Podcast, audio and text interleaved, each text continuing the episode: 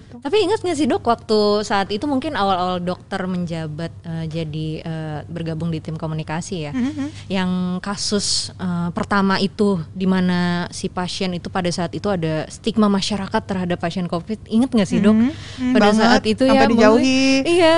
Gimana dokter ngelihat hingga perkembangannya sekarang ini ya stigma masyarakat okay. Ya terhadap itu? Uh, memang waktu itu luar biasa ya, ya karena balik lagi waktu yeah. itu mereka, mereka belum logis gitu uh -uh. kan, belum ngerti sebenarnya uh -uh. ngadepin penyakit ini tuh gimana. Uh -uh. Kalau waktu itu sih luar biasa sampai rumahnya dijauhi ya, yeah. tetangganya nggak ada yang mau deket. Yeah. Bahkan saya masih ingat banget ada petugas medis yang diusir dari rumahnya oh, sendiri yeah. karena dia bekerja di rumah sakit yang ngurusin COVID, takut bawa pulang COVID misalnya gitu. Ah itu wah sedih sih sedih banget waktu itu karena sampai uh, terjadi di masyarakat yang sebegitunya gitu kan karena pemahaman balik lagi pemahaman yang belum tepat hmm. gitu. Jadi ya sampai sekarang memang masih ada sih stigma-stigma itu. Hmm. Tapi jauh lebih berkurang se sebenarnya karena memang kita ngelihat orang-orang makin paham ya makin ke sini kita udah diajarin lah ya setahun penyakit ini apa protokol kesehatannya gimana jadi mungkin mereka juga udah mulai paham oh penularan itu dari sini jadi nggak apa-apa nih kalau uh, di rumah masing-masing misalnya nggak perlu di apa jauhin sampai di apa tuh namanya dipasangin hmm, yeah. apa yang kuning itu polis yeah, line itu kan nggak perlu ya begitu ya. ya dahulu ya. Sampai dulu orang mau dekat juga takut yeah. gitu kan pakai masker kok kayaknya maskernya yang heboh gitu yang yeah, yeah, gimana yeah. heboh banget ya dok ya gede banget heboh gitu heboh, ya gitu kan tahu gitu. kasihan gitu nih nanti ada gambarnya Tring. jadi ya sekarang sih thanks God memang makin uh, paham ya gimana sih caranya ngadepin penyakit ini dengan logis gitu hmm. tapi ya stigma kan selalu ada makanya selalu dikasih edukasi lagi edukasi lagi biar mereka tuh selain udah ngerti uh, itu mereka bisa gitu loh mengaplikasikannya dalam kehidupan sehari-hari mm-hmm. itu seperti apa sih seharusnya mm-hmm. gitu. Yeah. Dok selama setahun nih bagaimana sih ngelihat uh, pemerintah upaya pemerintah buat mm-hmm. menangani mm-hmm. ini sendiri kan dokter berada di dalam nih kalau dokter mm-hmm. sendiri bisa ceritain nggak sih sebenarnya mm-hmm. dari upaya pemerintah dari mm-hmm. masa ke masa itu perkembangannya gimana? Oke, okay, saya tuh kan sebenarnya bukan orang pemerintahan ya, yeah. tapi sejak saya ditunjuk jadinya bekerjanya banyak sekali dengan bidang pemerintahan. Hmm. Kalau dulu mungkin saya jujur aja, saya ngelihat pemerintah tuh kayak satu gitu ya. Hmm. Tapi ternyata begitu terjun ke sini, oh ternyata banyak sekali ya, hmm. kementerian, lembaga, yeah. segala macam itu ternyata uh, situasi yang sangat kompleks gitu. Jadi memang uh, kalau kita ngomongin soal pemerintah yang mana nih hmm. gitu kan, kinerjanya yang mana? Karena masing-masing punya tanggung jawab yang luar biasa banyaknya dan berbeda-beda gitu. Nah tapi kalau secara garis besar ditanya seperti tadi ya Ledru, saya bisa mungkin bilang kita harus bersyukur sih jadi masyarakat Indonesia karena banyak sekali ternyata upaya-upaya dari berbagai uh, kementerian, lembaga, dari presiden sendiri dan semua orang-orang yang di pemerintahan untuk membuat kita hidup di masa sekarang ini, di, di masa adaptasi kebiasaan baru saya bilang. Mm -hmm. Kenapa? Karena upayanya luar biasa. Kalau dulu kita masih ingat ya kita mau tes aja Ingat nggak sih satu tahun yeah, yang lalu? Yeah. Susahnya kayak apa? Yeah, kita mau tes dok. COVID aja itu udah nyarinya susah, labnya. Harganya juga. Harganya harganya mungkin 10 kali dari yang iya, sekarang iya, iya. banyak uh, beredar terasa gitu ya. perbedaannya loh dok nah, itu loh hasilnya iya, iya. sekarang udah bisa dalam iya, satu hari iya. 4 jam iya, 6 jam udah keluar iya, hasilnya dulu iya. berapa tiga iya, hari lima iya, hari iya, ada yang sampai dua minggu oh, tanpa disadari ya dok ya nah, itu itu perjuangan yang luar biasa iya, iya. dulu lab kayak cuma kehitung nih kayak iya. berapa lab ya sampai yang 10 mungkin ya tes, iya. nerima gitu mm -hmm. sekarang udah lebih dari 800 iya, lab iya, yang disediakan iya.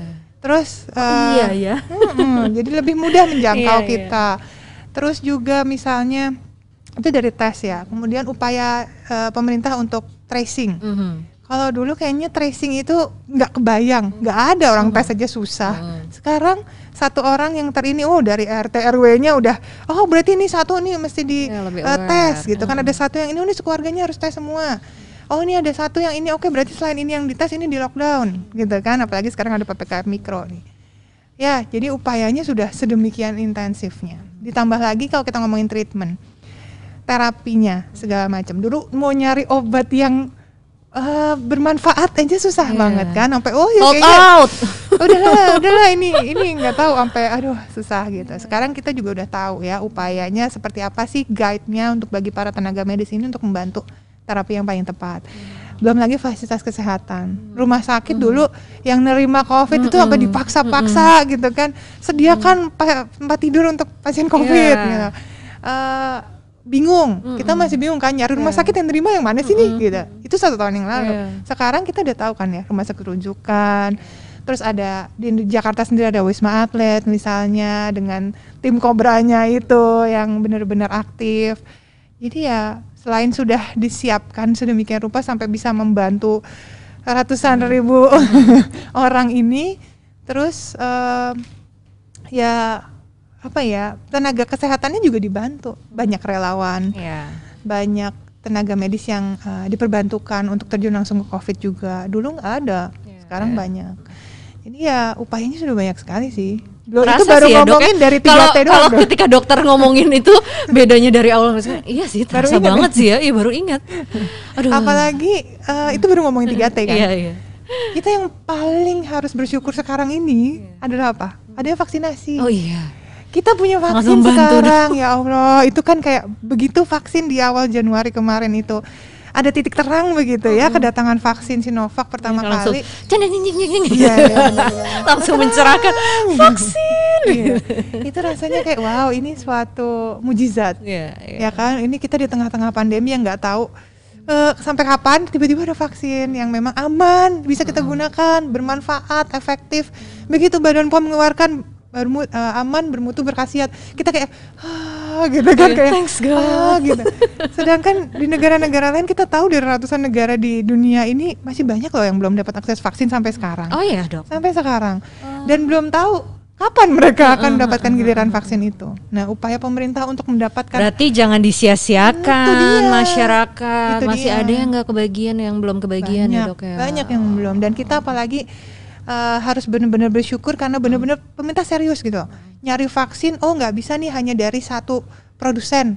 Karena kebutuhan kita apa? Kita kan targetnya yeah. 181,5 juta yeah. penduduk Indonesia.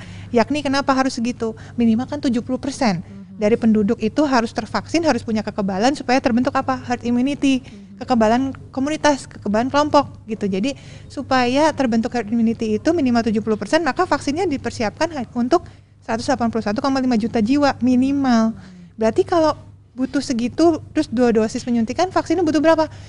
Ya kurang lebih dengan waste-nya gitu ya 400 lebih juta dosis dong, 400 uh -huh. juta lebih juta dosis. Uh -huh. Wah, nggak mungkin dong ya cuma dari satu produsen vaksin. Uh -huh. Kalau cuma satu terus siapa yang Banyak mampu? banget Indonesia. Gak mungkin kan kita negara besar iya, ya. negara besar ya. Nah, akhirnya diupayakan oh ya ke sini pesan produsen ini produsen ini produsen ini. Oh ini gagal. Oh ini kan beli. Kan vaksin juga bukan kayak kita beli uh, ikan di pasar ya hmm. yang oh udah pasti dapat misalnya kita ke pantai gitu. Enggak juga.